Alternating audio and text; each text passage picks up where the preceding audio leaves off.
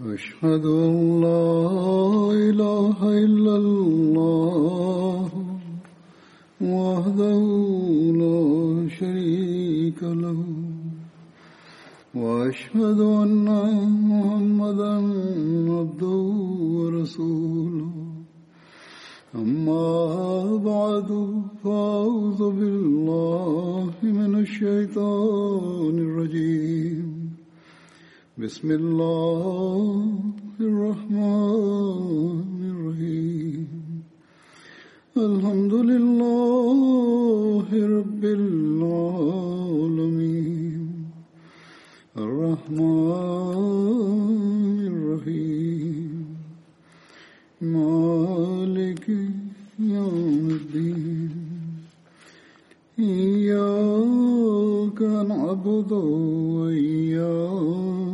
المستقيم اهدنا الصراط المستقيم صراط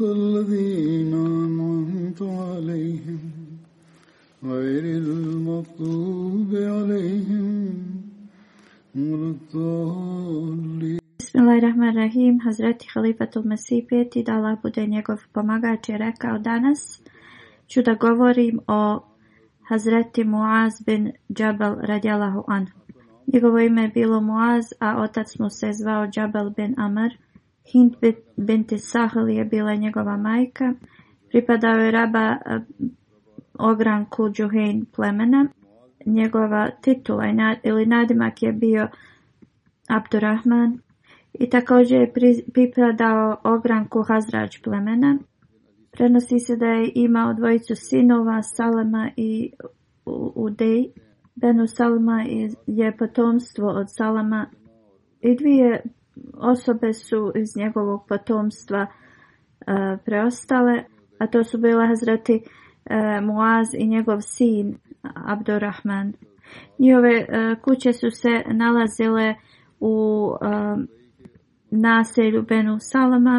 Hazreti Muaz bin Džabel je bio vrlo svjetle puti, imao je prelijepo lice i bijele zube i prelijepe oči.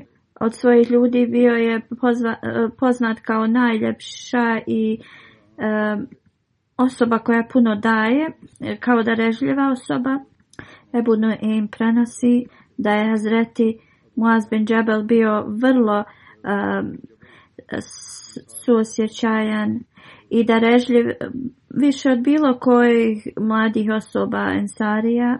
On je učestvovao na drugoj e, zakletvi Akba sa 70 e, Ensarija. Imao je 18 godina kad je primio islam i učestvovao je u časnog poslanika sallallahu alejhi ve u svim borbama uključujući bitku na Bedru, Uhudu i Hendeku. Na Bedru je imao 20 ili 21 godinu. Hazreti Abdullah bin Džed je bio njegov polubrat, imali su istu majku, ali različite očeve. I on je također učestvovao u bitci na Bedru. U Ustu Gaba se spominje da se njegov polubrat zvao Sahel bin Muhammed bin Džed. I Sahel je pripadao Benu Salma i tako su ga e, također ubrajali u njihovo pleme. Kad su muhađeri došli u, Medinu, e, časni poslanik sallallahu alejhi ve sellem uspostavio bratstvo između Hazreti Abdullaha bin Masuda i Hazreti Muaza bin Džabel. Kad je pri, uh, primio islam Hazreti Muaza mlađim ljudima iz Benu Salma, oni su oni su polomili e, idole iz e, njihovog plemena i već sam spomenuo ovaj događaj kako su oni e, polomili ove idole dok sam govorio o drugom ashabu. A sada ću to opet da spomenem. Hazreti Amar ben je stavio idol od drveta u svoju kuću Izvao ga je Menad i e, obhodio se prema tom idolu sa velikim poštovanjem. E, na drugoj toj Beat jakva neki, neka omladina iz Benu Selma su također dali Beat, to se zakletvu poslaniku sallallahu alejhi I među ovom omladinom je bio Hazreti Moaz Ben Džabel također i sin od ovog Amr je također dao zakletvu tad i prihvatio islam. I ovo sam govorio u vezi ovoga kad sam govorio o Muaz bin Amr. E, prenosi se da je um, Amr htio da pozove svog oca u islam i on je tako uzimao taj idol od Hazreti Amr koji je on stavio u svojoj kući i on bi to bacio, bacio ga, bacao bi ga u smeće i on je također tražio pomoć od neke omladine da mu to pomognu i Hazreti Muaz bin Džabel je bio jedan od njih koji su mu pomagali to. I tako jednog dana oni su odnijeli toga idola i bacili u smeće i kad je Hazreti Amar e, ga našao rekao je e, da ako znađem ko ovo radi mom e, idolu ja ću da tu osobu kao kaznim. Oni su to uradili i opet sljedeći dan i on je uradio isto, vratio ga je u kuću i onda i treći dan i oprao ga je i unije u kuću i stavio je tad mač oko tog idola. I rekao je tako mi Boga ne znam ko ti ovo radi, ali ostavljam mač uz tebe da se možeš zaštititi kogo to radi. Obraćao se idolu. I tako opet sljedeći dan našao je idola u tom istom smeću i još je bio zavezan za mrtvog psa i on kad je to vratio opet tog idola u kuću, onda je počeo da razmišlja kako onda vjeruje u nešto što ne može ni sebi pomoći i kako onda taj idol da njega zaštiti i on je to razmišljao tako i, ovo je bio neki znači stvar koja je podstekla njega da zaista razmišlja o, o postojanju Boga i nešto što posle on je prihvatio islam. Kad govorimo o njegovoj ljubavi prema poslaniku sallallahu alejhi ve iz ovoga možemo vidjeti kad se poslanik sallallahu alejhi ve vratio sa Uhuda, e, čulo se plaći i uzvici i poslanik sallallahu alejhi ve je tada upitao šta je ovo i oni su rekli to je plač e, žena Ensarija, one plaču za svojim ubijenim Onda je poslanik sallallahu alejhi ve sellem rekao za niko e, za nema niko da plače za Hamzom.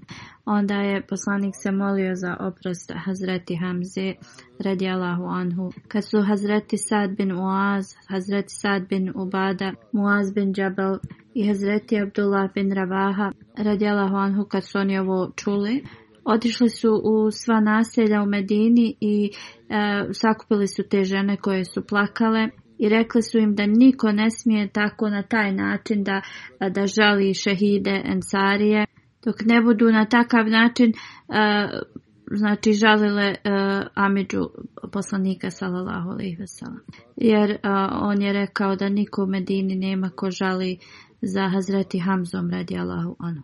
Ovo je bila njihova ljubav i predanost poslaniku sallallahu alaihi ve Iako je zabranjeno islamu to naglasa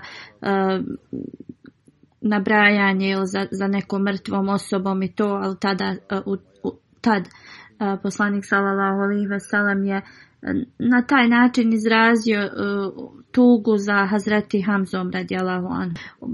U svakom slučaju e, ovo nabrajanje ili kukanje je za, zabranjeno islam.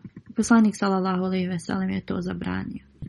Kada su pobjedili Meku, osvojili Meku, poslanik sallallahu alejhi ve je otišao u dolinu Hunein koja se nalazi istočno prema Tajfu od Mekke.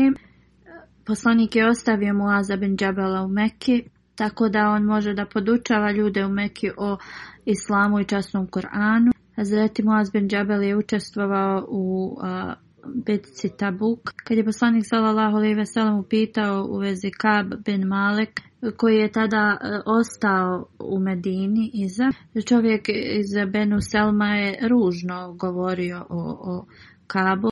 I, ali tada je Hazret Muaz bin Džabel eh, korigovao ovog čovjeka na način koji je on govorio o Kabin Maliku i rekao je o Allahu poslaniće mi jedino vidimo dobro u njemu i ne vidimo ništa loše. I ovako je bio njihov moral da oni ne bi govorili ružne stvari eh, o, o osobi ako nije prisutna tada prenosi da je čuo Hazreti Enes radijalahu anhu da kaže U vrijeme poslanika salalahu alaihi veselem četiri osobe su sakupile Kur'an i oni su svi bili ensarije a oni su Hazreti Muaz bin Džabel, Hazreti Ubej bin Kab, Hazreti Zaid bin Sabit i Hazreti Ab Abu Zaid radijalahu anhu.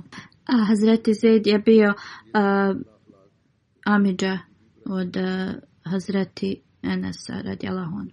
Hazreti Abdullah bin Omer radijalahu anhu prenosi da je čuo poslanika salallahu alih veselem da kaže učite Kur'an od četvorice, oni su Ibn Masud, Salin, eh, da onaj oslobođeni eh, rob Ebu Hudej, Huzeifa, Huzeifa uh, eh, Ubej bin Kab i od Muaz bin Džabala radijalahu anhu. Ovaj hadis je iz Buharija.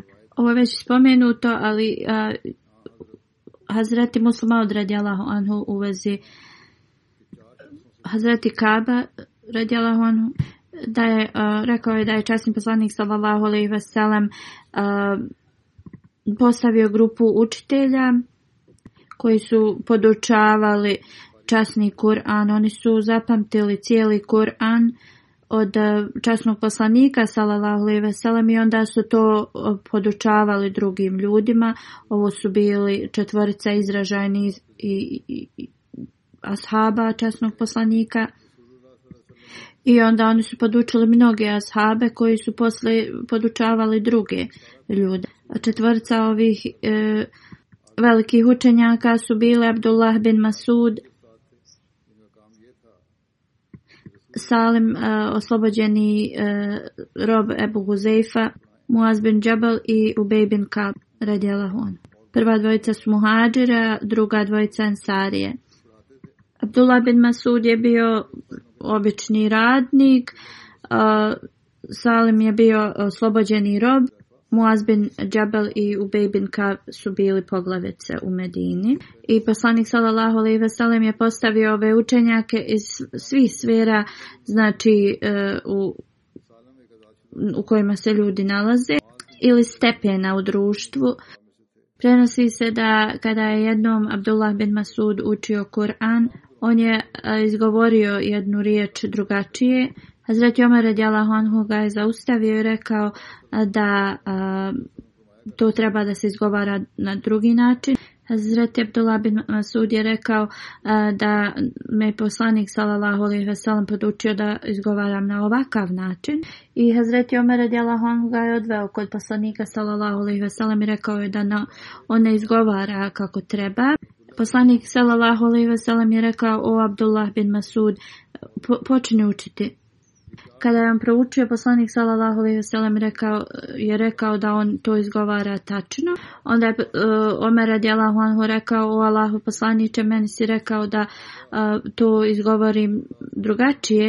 Poslanik sallallahu alejhi ve sellem je rekao e, da i tvoj način je tačan i ovo nam pokazuje osim ove četvorice ashaba koje smo naveli ranije e, koji su direktno učili od, poslanika sallallahu alejhi ve sellem da su također bili drugi e, ashabi koji su uh, učili od poslanika sallallahu alejhi ve sellem kao što je Hazreti Omer radijallahu anhu. Jer kada je Omer anhu rekao da eh, o Allah poslaniće meni kao rekao si da ovako to izgovaram, to nam pokazuje da je i on također učio od poslanika sallallahu alejhi ve sellem direktno. Hazreti Anas bin Malik prenosi da je časni poslanik sallallahu alejhi ve sellem rekao iz moj iz mog umeta najmilostiviji je Ebu Bekr, eh, osoba koja je naj najstrožija da, da se drži šerijata je Hazreti Omer, a najskromniji od njih je Hazreti Osman, a najbolji u donošenju odluka je Hazreti Ali bin Ebu Talib radijalahu anhu svima. Naj, e, više znanje u vezi Kur'ana ima e, bin Kab, a Muaz bin Jabal je na, naj, ima najveće znanje u vezi halal i haram. Zaid bin Sabit, on, on, je, najbolje zna um, u vezi stvari uh, koje su farz. Čas poslanik sallallahu alaihi ve sellem je onda rekao e, svaki umet ima kao čuvara, a u moj umet e, za moj umet, umet čuvar je Ebu Bejda bin i ovo sam također na sličan način hadis spomenuo. Hazreti Abu Hureyra radijalahu anhu prenosi, časni poslanik sallallahu alaihi wasallam je rekao kako je odličan čovjek Ebu Bekar, kako je odličan čovjek Omer, kako je odličan čovjek Ebu Ubeida bin Đara, kako je odličan čovjek Huz, bin Hudejr, kako odličan čovjek je Sabit bin Kejs. Također je to rekao za Muaz bin Džabel, i za Muaz bin Amr al, al Ovo je hadis Musnad Ahmad bin Hanbal. Hazret Muaz bin Jabal prenosi da je poslanik sallallahu alejhi ve uzeo njegovu ruku i rekao: O Muaz, tako mi Allaha volim te. Ja sam odgovorio neka su moji roditelji žrtvovani radi tebe i ja tebe volim.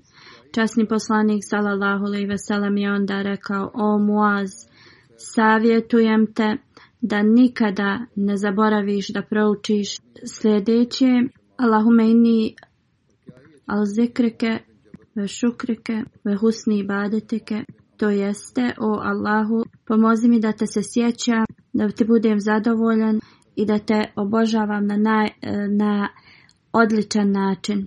Hazret Muaz bin Jabal prenosi da je poslanik sallallahu alejhi ve sellem rekao da li da ti kažem u vezi jednih vrata uh, u džennetu, on kaže, rekao sam naravno. Časni poslanik sallallahu alejhi ve sellem je rekao uči la la kuvete illa billah. Nema moći ni snage osim uh, od Allaha. Hazreti Muaz bin Džebel radijalahu anhu prenosi da je jednom upitao poslanika sallallahu ve sellem e, koja je naj najbolja kao način vjerovanja. Poslanik sallallahu alejhi ve sellem je odgovorio: Najbolje e, vjerovanje je da voliš Allaha i da mrziš jedino radi Allaha i da uvijek se sjeća e, da tvoj jezik uvijek sjeća se Allaha. Hazreti Muaz radijalahu anhu je tad upitao o Allahov poslaniče salallahu alaihi šta još? Časni poslanik salallahu alaihi veselem je rekao e, voli za druge što voliš sebi želi drugima ono što, što e, želiš sebi, to, mu, to je podmoranje. I također moraš da e, što, što ne želiš sebi, da ne želiš njima. Zati Džabir bin Abdillah prenosi E, da je Hazreti Muaz bin Džabal pišao i molio se sa časnim poslanikom sallallahu alejhi ve sellem i dolazio bi u svoje pleme i onda bi predvodio namaz u, u, kod njih. Znači prvo išao u poslanikovu džamiju i klanjao bi namaz i onda bi se vraćao i e, predvodio namaz za svoje ljude. I ovo je hadis iz Buharija. E, jedno večer posle jacije došao, vratio se u svoje pleme i onda je počeo da da klanja, predvodi namaz s njima i počeo je da uči suru El Bekaru. Onda jedna osoba u, u, u tom džamatu je se odvojio, predao je selam i onda je počeo da klanja sam za sebe namaz. Kad su ovo vidjeli neki ljudi, pozvali su ga i rekli da li si ti postao licemjer i odvojio se od džamata. On je rekao, ne, tako mi Boga ja nisam licemjer i zaista ću otići kod poslanika salalahu alih veselem i reći ću mu šta sam ja uradio. Da sam licemjer ja bi se sakrio i klanio svoj namaz, ali ću zaista da informišim poslanika salalahu alih veselem u svemu ovom.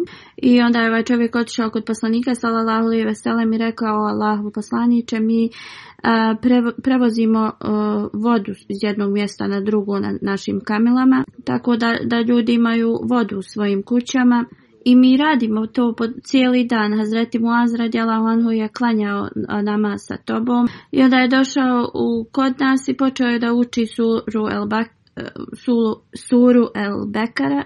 Poslanik sallallahu alejhi ve se okrenuo prema Hazreti Muazu i rekao je: o da li ti želiš da e, staviš ljude na iskušenje? Zašto radiš e, poteškoće za ljude? Poslanik sallallahu alejhi ve onda ga je posavjetovao šta treba da uči i to je ponovio ponovo. Prema e, hadisu koji prenosi Džabir, poslanik sallallahu alejhi ve je rekao uči suru Šems, suru Duha, sura Lejl, sura Al-Ala. Poslanik sallallahu alejhi ve je spomenuo ove četiri sure kao primjer i ovaj hadis se nalazi u Sahi Muslim. Hazreti Halifat al drugi u vezi ovog piše Poslanik sallallahu alejhi ve sellem e, je imao običaj da uči suru Al-Ala, suru Al-Gašija, suru Al-Fajr i druge sure u na, na farz namazima um, koje su tako prilične dužine kao ove. Nisai prenosi od Hazreti Džabira radijalahu anhu da je jednom Hazreti Muaz bin Džabel predvodio namaz. Hazreti Muaz je produžio ovaj namaz i prema nekim pre, uh, hadisma kaže se da je učio suru Al Imran ili sura An-Nisa uh, kada je se ova ovaj namaz odužio, ta osoba je zaustavio namaz i znači predao salam i pomakao se u stranu i klanjao sam za sebe i kada je e, završio namaz on je otišao kad se nama završio neko je informisao Hazreti za šta je ovaj čovjek uradio a Hazret Moaz radijala anhu je rekao možda je on licemjer i prenio je ovo sve poslaniku sallallahu alejhi ve Uh, Hazreti Muslimaud kaže da je Hazreti Muaz radjala anhu uh, otišao sam kod poslanika sallallahu alejhi i on je rekao poslan, o Allahu poslaniče osoba je došla na namaz ali kada je se namaz produžio ili odužio on je rekao mu je sve šta se desilo i da je onda otišao i kad je ta osoba to što je uradio saznao da je Hazreti Muaz otišao kod poslanika i rekao i on je također došao kod poslanika sallallahu alejhi i rekao je o Allahov poslaniće, ja sam došao da klanjam namaz u džematu ali on je produžio namaz i ja mi radimo cijeli dan i naša kamela je također bila gladna. I ja sam zbog toga prekinuo da klanjam u džamatu i završio sam svoj namaz i onda sam otišao sa svojom kamilom da je nahranim. Kada je poslanik sallallahu ve čuo ovo, on je bio nezadovoljan sa Hazreti Muazom i rekao je: "O Muaz, zašto ti stavljaš ljude na um, ovakva iskušenja, zašto ne učiš suru Al-Ala, suru Šem, suru Dua, e, Duha ili suru al lejl zašto ne učiš ove, ove e, sure, zašto zašto si e, izabrao da učiš dug, dugačke. I tako možemo da vidimo da poslanik sallallahu alejhi ve sellem je naveo ove sure zbog zbog njihove dužine. Naravno sada osoba može e, da uči i u nekim specijalnim e, znači situacijama i dugačke sure ili ako su bolesni ili i, i kraće sure, ali ovakve ili slične sure ovima u dužini su e, sure koje imam treba da uči na namazima kada on e, glasno uči pred e, džamatom. Ali također trebamo da, e, da zapamtimo da nisu samo ove sure koje trebaju da se uče. Ovo je sasvim ona generalna uputa da, da ne učimo predugačke sure, ali nije ograničeno na ove četiri. I znači osoba može da, da uči šta oni žele, neke osobe samo znaju neke kraće sure i ako nema niko da predvodi ko, ima, ko zna ove veće, e, duže e, sure, znači ta osoba može da predvodi namazi sa ovim kratkim. Ali kako god generalno pravilo poslanika sallallahu alejhi ve da na farzovima u džamatu se ne uče dugačke sure, da se uče e, kao ove spomenute zbog toga što neki ljudi su stari u džamatu, neki su bolesni, neki su preumorni i da ne bi e, jednostavno dolazlo do te, do te mjere da, da, da je to neko kao postaje iskušenje za njih. Hazreti Muaz bin Džabel radijalahu anhu prenosi E, Jahao sam iza poslanika sallallahu alejhi ve sellem ništa nije bilo između nas osim to sedlo i poslanik sallallahu alejhi ve je rekao o Muaz na što sam ja rekao prisutan sam o Allahu poslaniče i spreman da te služim. Poslanik sallallahu alejhi ve je putovao neku distancu i on je opet pozvao o Muaz bin Jabal. Ja sam rekao prisutan sam Allahu poslaniče i u tvojoj sam službi. Opet, posle nekog vremena, poslanik sallallahu alejhi ve sellem je rekao: "O Muaz bin Jabal, ja sam odgovorio: uh, e, Prisuta sam Allahu poslaniče i spreman za tvoju službu." Na što je on onda poslanik sallallahu alejhi ve sellem je rekao: "Da li znaš da li znaš kako pravo Allah ima na svojim slugama? Ja sam rekao e, Allah, poslanik sallallahu alejhi ve i Allah znaju najbolje. U stvari rekao sam Allah i njegov poslanik sallallahu alejhi ve znaju najbolje. Onda je poslanik sallallahu alejhi ve e, rekao zaista Allahovo pravo nad njegovim slugama je da oni njega obožavaju i da mu ne pripisuju partnera ili smatraju išta ravni njemu. Onda smo putovali neko kratko vrijeme i poslanik sallallahu alejhi ve je rekao: "O Muaz bin Džabel, ja sam rekao prisutan sam Allahu poslanice i spreman e, da te služim." Onda je poslanik sallallahu alejhi ve rekao: "Da li znaš e, kakva e, prava sluge imaju kao nad Allahom. Prvo ljudi moraju da ispune dužnosti prema uzvišenom Allahu. I onda kad oni ovo ispune, onda oni imaju prava na Allahom Đalašanhu. I onda je Muaz bin Džabal radi rekao Allah i njegov poslanik znaju najbolje. Poslanik sallallahu alaihi ve je rekao da Allah neće da ih e, kazni. Znači kad ljudi e, su poslušni uzvišenom Allahu i pobožni njemu, onda oni imaju to pravo da Allah ih neće kazniti. Ovaj hadis je iz muslima. Hazreti Muaz bin Džabel radijalahu anhu prenosi Putovao sam sa poslanikom sallallahu alaihi veselem.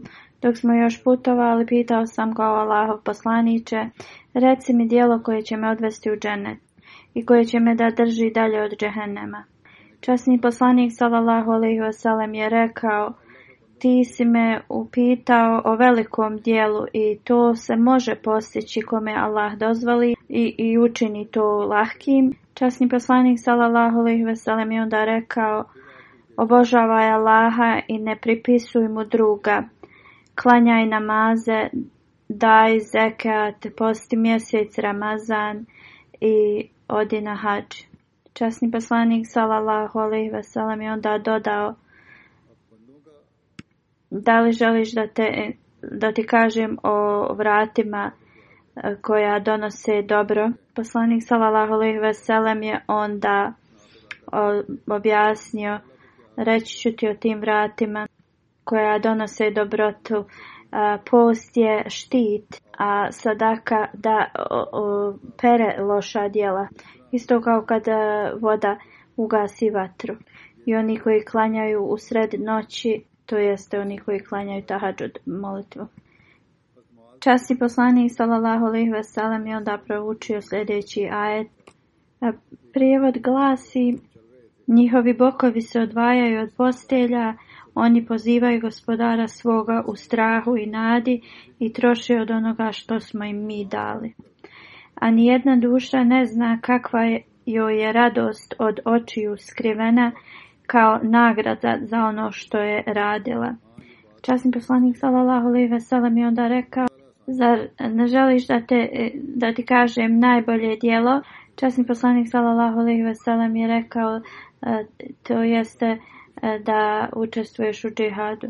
A onda je poslanik sallallahu alejhi ve sellem rekao da trebam, e, zar ti ne trebam reći temelj svega ovoga?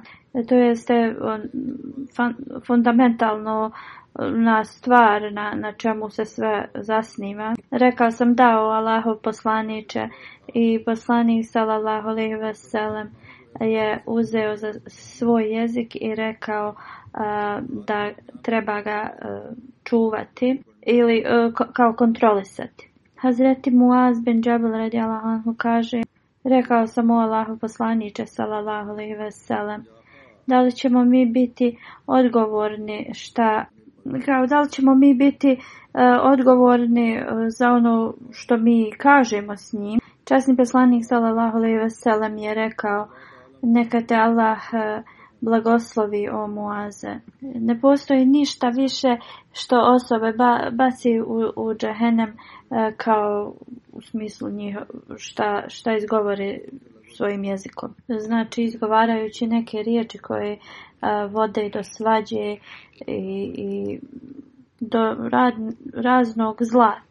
To jeste da su nečije riječi e, prouzrokuju zlo ili govore zlo, prema poslaniku sallallahu alejhi ve sellem to e, će ih odvesti u džehennem. I onda moramo uvijek da budemo svjesni šta govorimo i da e, koristimo svoj jezik da e, radimo dobra djela.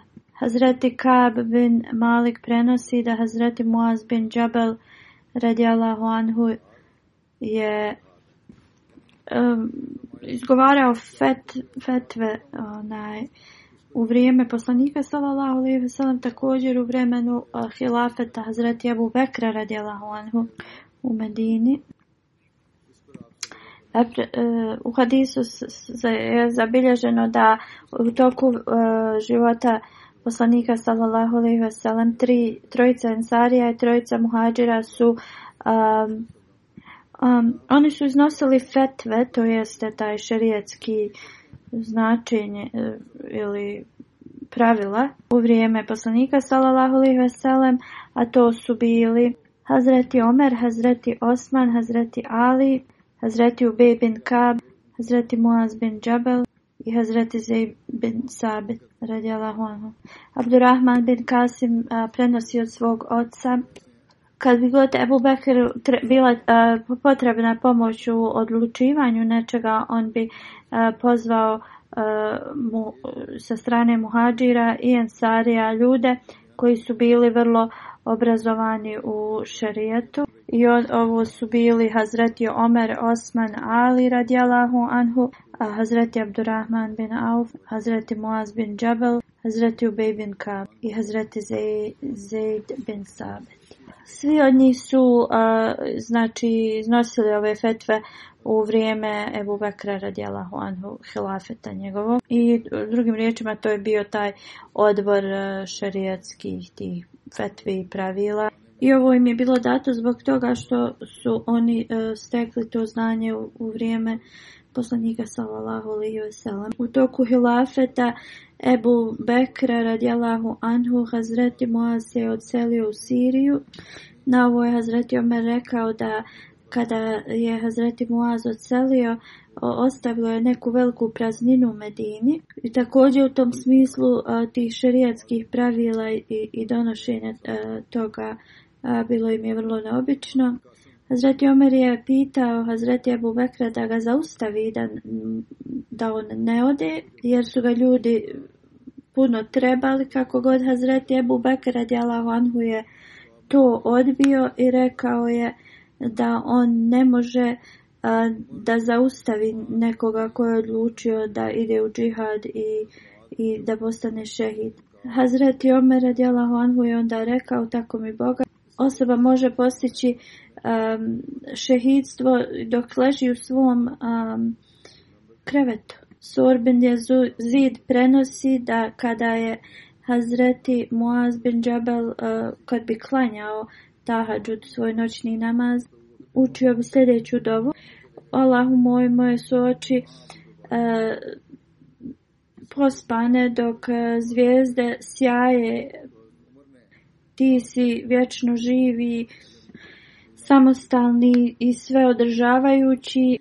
Allah moj, e, žudnja da e, postignem džennet je nedostaje u meni. Ja sam nemoćan i nemam snage da e, izbjegnem džehennem. Allahu moj, pomozi mi da budem od onih koji su upućeni i sačuvaj ovu molitvu i e, da, ona bude odgovorena na e, sudnjem danu meni. Zaista ti ne ideš protiv svog obećanja. E, drugim riječima, ovo je bio stepen njegove bogobojaznosti.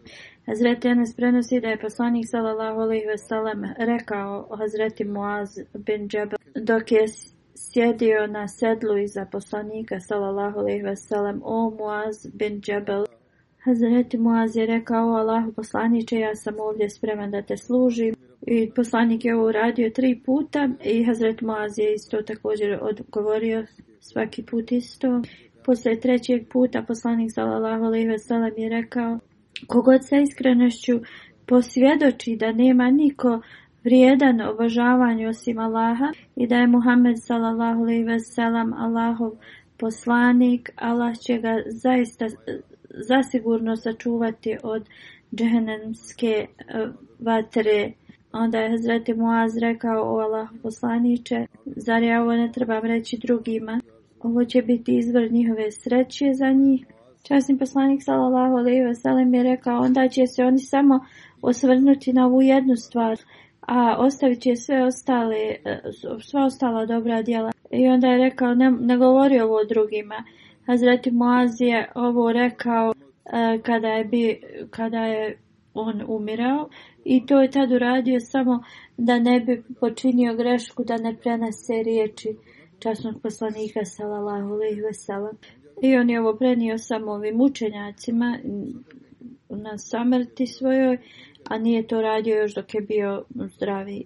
U komentaru Buharija e, stoji Uh, komentator, komentator kaže da ovo se samo uh, kaže nekim intelektualcima i to neće uh, kao njima naškoditi dok nekim ljudima koji ne razmišljaju dobro ovo, ovo bi moglo da nanese štetu. Mhm. Nije dovoljno samo reći da nema nikog ravnom Eh, obožavanju osim eh, Allaha i da je poslanik sallallahu alejhi ve sellem njegov eh, poslanik i onda misliti da to je to i da ne, treba trebate raditi nikakva druga dobra djela.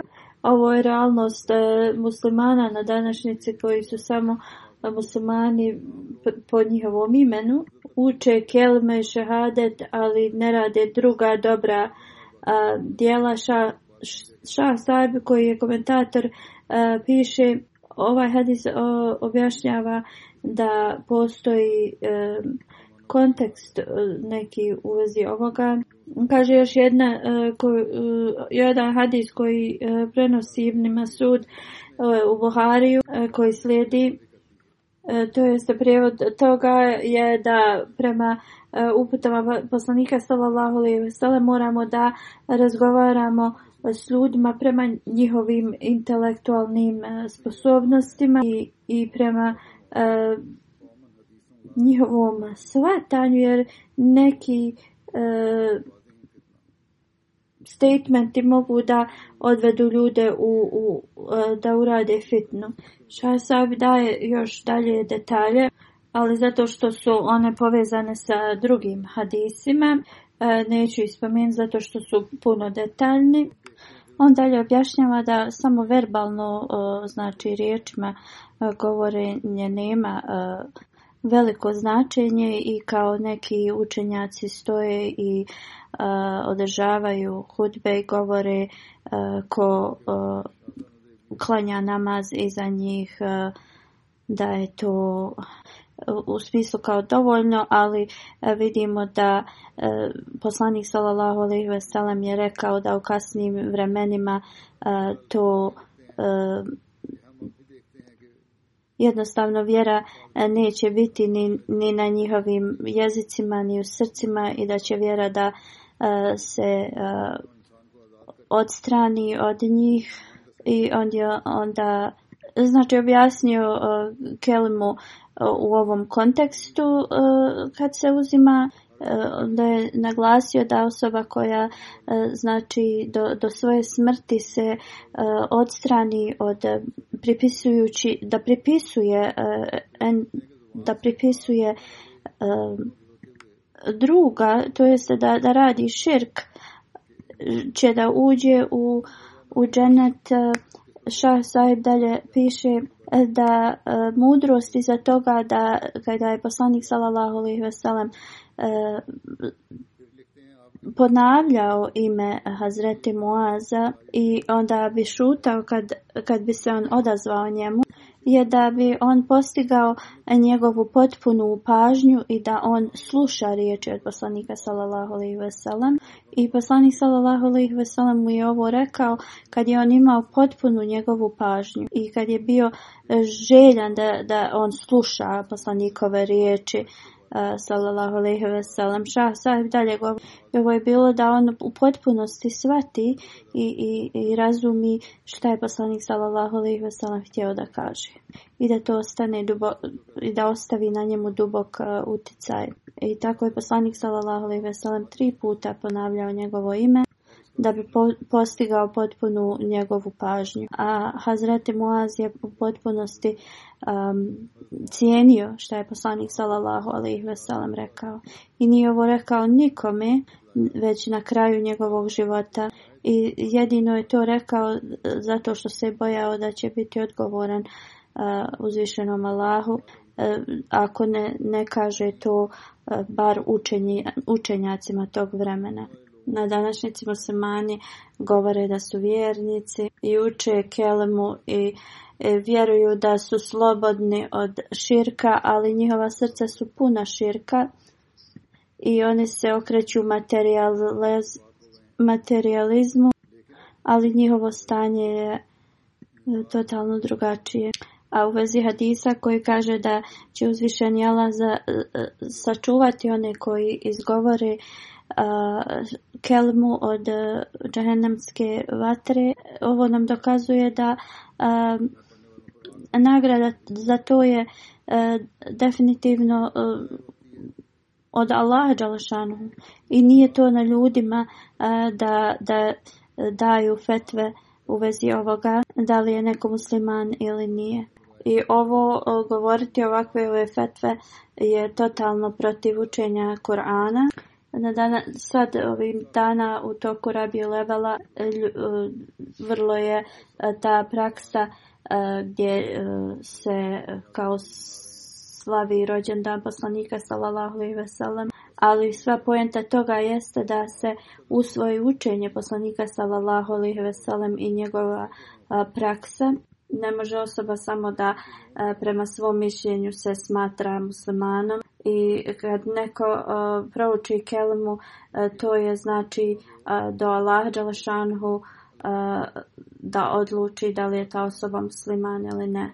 I ovo je nešto što će donijeti sreću poslaniku sallallahu alaihi veselem za njegov umet i uz učenje salavata na poslanika sallallahu alaihi veselem mi moramo iskazati zahvalnost uzvišenom Allahu koji nije e, kao zapostavio religiju poslanika sallallahu alejhi ve sellem.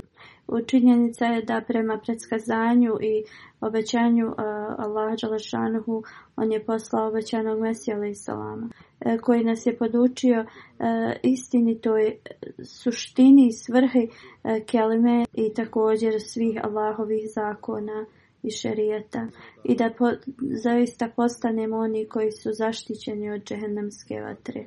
Da uzvišenja Allah podari i onima koji su odbili uh, obećanog Mesija salama uh, i, i uputi ih i da nam Allah omogući da istinski mi shvatimo učenje Islama i istinski duh keleme prema Islamu.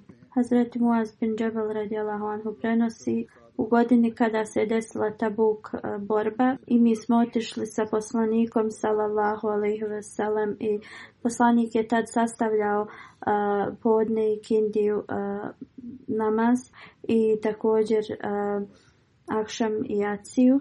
Jedan dan je poslanik sallallahu alaihi veselem malo kasnije klanjao podne i kindiju i vratio se u svoju kuću pa je opet e, došao i klanjao je akšamijaciju. Časni poslanik sallallahu je rekao da sutra ćemo doći u dolinu Tabuka. Hazur kaže da ovo e, razjasnimo. Poslanik sallallahu nije klanjao ova četiri namaza odma zajedno. Radije on je sastavio podne i kindiju i klanjao ih je e, do određenog vremena dokle kindija, kad kindija, kindija namaz ističe i slično e, klanjao je akšam i jaciju e, u vrijeme e, akšam namaza. U svakom slučaju poslanik sallallahu alejhi ve je rekao sutra kad sunce potpuno izađe doći ćete do izvora Tabuk. To je bilo kao otprilike e, vrijeme, ali da će doći u toku dana. Onda je poslanik sallallahu alejhi ve sellem rekao kogod od vas stigne tu ne smije da dira vodu ni da pije dok ja ne dođem. Prenosijac govori kada su stigle kada smo stigli dvije osobe su već bile tu i tu, tu je tekla e, voda e, ali tako malo kao dvije šnjure za cipelu. Časni poslanik sallallahu alejhi ve je upitao ovu dvojicu da li su dirali vodu. Oni su rekli da i također su se napili. Poslanik sallallahu alejhi ih je um, kritikovao zašto su oni to uradili i onda su uh, nasuli uh, vode u posudu. Onda je poslanik sallallahu alejhi ve oprao svoje ruke i lice tom vodom i onda je uzeo tu vodu i nas, vratio je na taj izvor. Drugim riječima pravo je iznad tog izvora i tako voda se i vraćala u, u taj izvor. Kad je poslanik sallallahu alejhi ve to uradio, voda je počela da buja i svi su počeli da piju, imali su dovoljno vode i onda je poslanik sallallahu alejhi ve rekao: Ako budeš živio dugo, vidjet ćeš ovo, ovo mjesto da se napuni sa velikim bašćama. Prema nekim hadisima to govori se to, da se to desilo kad je poslanik tek došao na Tabuk, a, prema nekim drugim se prenosi da je se to desilo kada su se vraćali. Slično ima Malik je ovo spomenuo u svojoj knjizi Muta, dok je objašnjavao ovaj hadis Muhammed ibn Baki da Ebu Valid Vađi e, prenosi da je ovo bilo predskazanje koje je već ispunjeno i da je poslanik Salalaho alejhi specifično e, spomenuo Hazreti Muaza bin Džabala anhu jer se on preselio u Siriju i on je pre, preminuo tu časni poslanik Salalaho i je bio preko predskazanja bilo mu je objavljeno da Hazreti Muaz će vidjeti ovo mjesto i, i da će ovo mjesto postati puno drveća i bašći. Alama ibn Abdulbar prenosi da Ibn Vasa govori da je posjetio to mjesto oko tog izvora i to je bilo toliko zelenilo okolo da, da, da vjerovatno će ostati do kraja svijeta kao što je zaista poslanik tačno kao što je predskazao. I posle hiljadama godina to je e, taj izvor je i dalje bio i dan danas i u toj mjestu ali ne, i dalje ima toliko blagoslova, blagoslovljene te vode radi poslanika salala olive salam. I radi ove vode razna je e, zelenilo i bašće su e, se napravile koje se samo povećavaju. Ostatak e, u vezi Hazreti Moaz bin Džabel života detalji ću da spomenem na sljedećoj hudbi. Ako Bog da, sada ću da klanjam neke dženaze u odsustvu poslije džume i spomenut ću neke detalje u vezi umrlih Prvi je od Ferzan Saheb. On je e, bio misionar. U septembru se e, razbolio od tajfoid da i e, upale pluća. Otišao je bolnicu i tu je preminuo prema Božjoj volji na Lilajve na Radijun. On je bio musi i iza sebe ostavlja suprugu Sukina Begam Zajba, kćerku Ferihu i sina uvijek je bio na, na prvi u, u džamatskom poslu i brinuo se o svim misionarima i koji god bio pod njegovom upraviteljstvom. Vrlo e, pobožan, uh, dobronamjeran, iskren. 1980. se je upisao u uh, džami Ahmedija Kadijan. Završio je džamiju 1988 i onda je postao, počeo da izvršava svoj posao. Služio je 32 godine sa velikim naporima i sa iskrenošću i sa onim pravim e, žarom osobe koja je dala svoj život u službu Islama. U ovom vremenu pomogao je mnogima da prihvate Ahmedijat i uspostavio je mnoge e, e, džamate. Njegova supruga kaže, molvi saheb, da je on bio prvo poslan u Hirijanu gdje tu nije bilo džamat još uspostavljen, niti bilo je, niti jedan Ahmedi. Išao je na razna mjesta, e, radio je tablik i onda je uspostavio centar. I dok je to radio, došao je u Harijanu e, kao neko selo i dao im je poruku Ahmedijata, e, taj neki lokalni čovjek da njegova krava ne može da daje mlijeko iako je kao tvoja zajednica istinita, onda da on treba da puhne na nešto i da da njemu to, da njegova krava to popije i kao da počne da daje mlijeko. I ovaj lokalni čovjek je rekao ako je on istinit i ako ovo bude znači uslušana ta, njegova dova e, da, da će njegova cijela porodica da primi Ahmedijat. Molvi sad bi rekao da je proučio e, Fatihu, e, salavate na poslanika, još neke dove i puhnuje na, na to i dao je tom čovjeku e, kao vodu. Taj čovjek je uzeo tu vodu i otišao. Molvi sad rekao da je proveo cijelu noć pod nekim drvetom u tom selu. Molio se cijelu noć uzvišenom Allahu da, da pokaže istinitost obećanog Mesije i ove zajednice. On kaže da je u zoru vidio nekoga kako mu ide prema njemu i taj čovjek je nosio kantu i kad je pogledao u tu kantu, u toj kanti je bilo mlijeko i on mu je rekao da moja porodica je puno sretna i e, vidimo da je ovo istinita zajednica i oni su se pridružili Ahmedijatu. Njegov sin Rehan kaže da je on bio vrlo e, pobožan, mehkog srca. Prema svima se obhodio sa, punom ljubavlju. Živio je svoj život samo da bi e, dobio Allahovo zadovoljstvo i da služi e, zajednicu. Prihvatio je svaku uputu halife i nama je također govorio da radimo isto.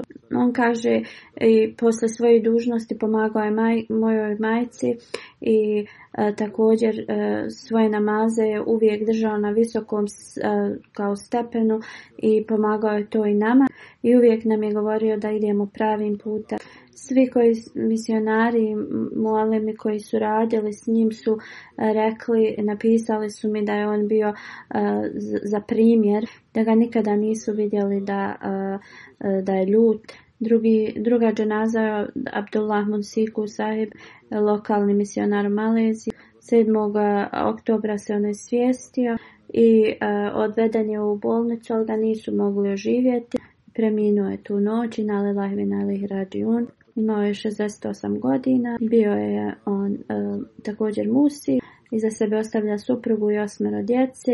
On je bio e, punac dvojice misionara u Maleziji. On je rođen u e, Filipinima i poslije fakulteta e, pridružio se nekoj muslimanskoj zajednici, organizaciji nekoj koja se borila protiv vlade i koji su se borili da uspostavi islamsku kao neko vladanje u Filipinima. 1973. godine eh, njegovi su roditelji preselili iz eh, Filipina u Maleziju i tu su se nastanili u Sandaku Samba. U svakom slučaju Allah mu je podario čisto srce i on je sanjao obećanog Mesiju mnogo puta i drugog i trećeg halifu. 1973. je prisutovao Dželsi tu. On je jednostavno doživio tu e, Dželsu kao vrlo inspirativnu vjerski program i tu je prihvatio Ahmedijat u tom mjestu gdje je živio nisu imali misionara, on je bio uh, vrlo znatiželjan i želio je da sazna i da nauči što više e, i učio je e, iz literature džamata i onda je drugima govorio. On je znači od svojih prijatelja, porodice svima govorio o Ahmedijatu i mnogi ljudi su prihvatili Ahmedijat i on radi ovoga svog tolikog predanja vjeri bio je postavljen kao misionar i također je služio i u Filipinima kao misionar. I on je tu uradio veliki e, e, servis džamatu i također je vodio debate sa kršćanima i mnogi su, kao što sam rekao, prihvatili islam. On nije mogao da govori urdu, ali je imao veliku želju da nauči. Naučio je mnoge e, kao lahije na urdu ili e, neke paragrafe. Bio je vrlo gostoprimljiv i pogotovo ljudi koji dođu na džumu e, obhodio se na najgostoprimljiviji način. Bio je vrlo disciplinovan i to je prenosio na druge. Iako je imao težak period u zadnjim godinama, nije mogao dobro da hoda, ali to nikada nije zaustavilo njegovu službu. Abdul Vahid Sahib je e, treća dženaza, on je mualem iz Kadijana. 12. septembra je preminuo u 55. godini na Alilahvina ili Hrađijun. On je potiče iz kršćanske porodice i njegov stariji brat je bio prvi koji se pridružio Ahmedijatu. Onda je njegova cijela porodica prihvatila Ahmedijat i poslije e, prihvaćanja on je od tri e, godine pohađao u e, džami. I kad je završio taj program, onda je išao u razne regione i širio poruku islama. U mnogim lokacijama Kadijana bio je za tarbijat i Talim, to jeste religijsko znanje i moralni trening, bio je vrlo poslušan, imao je veliku e, želju za služenje u džematu, bio je vrlo spretan u tabliku, jeste propagiranju vjere i s njegovim e, upornošću tri kršćanske family, e, porodice su prihvatile Ahmedijat i tri ne, ne muslimanske porodice i dvije osobe iz ovih porodica su također musi. Ne samo da su oni prihvatili Ahmedijat, ali su i e, znači na velikom stepenu su uznapredovali. Za sebe ostavlja suprugu, sina i dvije kćerke i njegov sin je e, završio ove godine e, džamija Ahmedija i misionarije da uzvišeni Allah svima njima podari oprost i pod, njihov status i podari e, milost i da uzvišeni Allah mm, podari njihovim lozama i e, njihovom potomstvu da nastave da rade dobra djela i da uzvišeni Allah sve njihove želje u vezi e, njihove djece ispuni i da im pomogne da budu istinski pomagači hilafeta pogotovo ova djeca koja su dala svoj život za e, službu džamata. Neka im Allah podari njegovu milost i oprost i kao što sam spomenuo ranije, klanjaću posle džume njihove e, džanaze u odsustvu.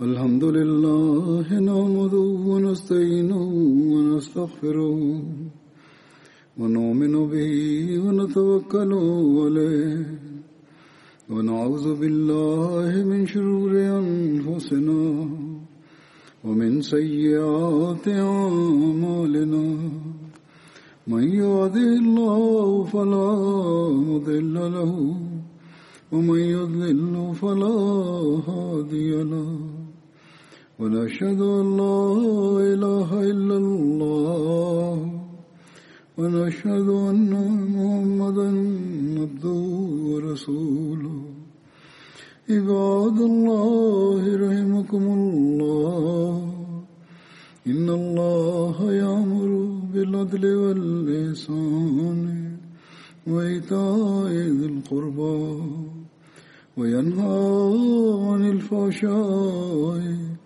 والمنكر والبغي يعظكم لعلكم تذكرون واذكروا الله يذكركم ودوه يستجب لكم ولذكر الله أكبر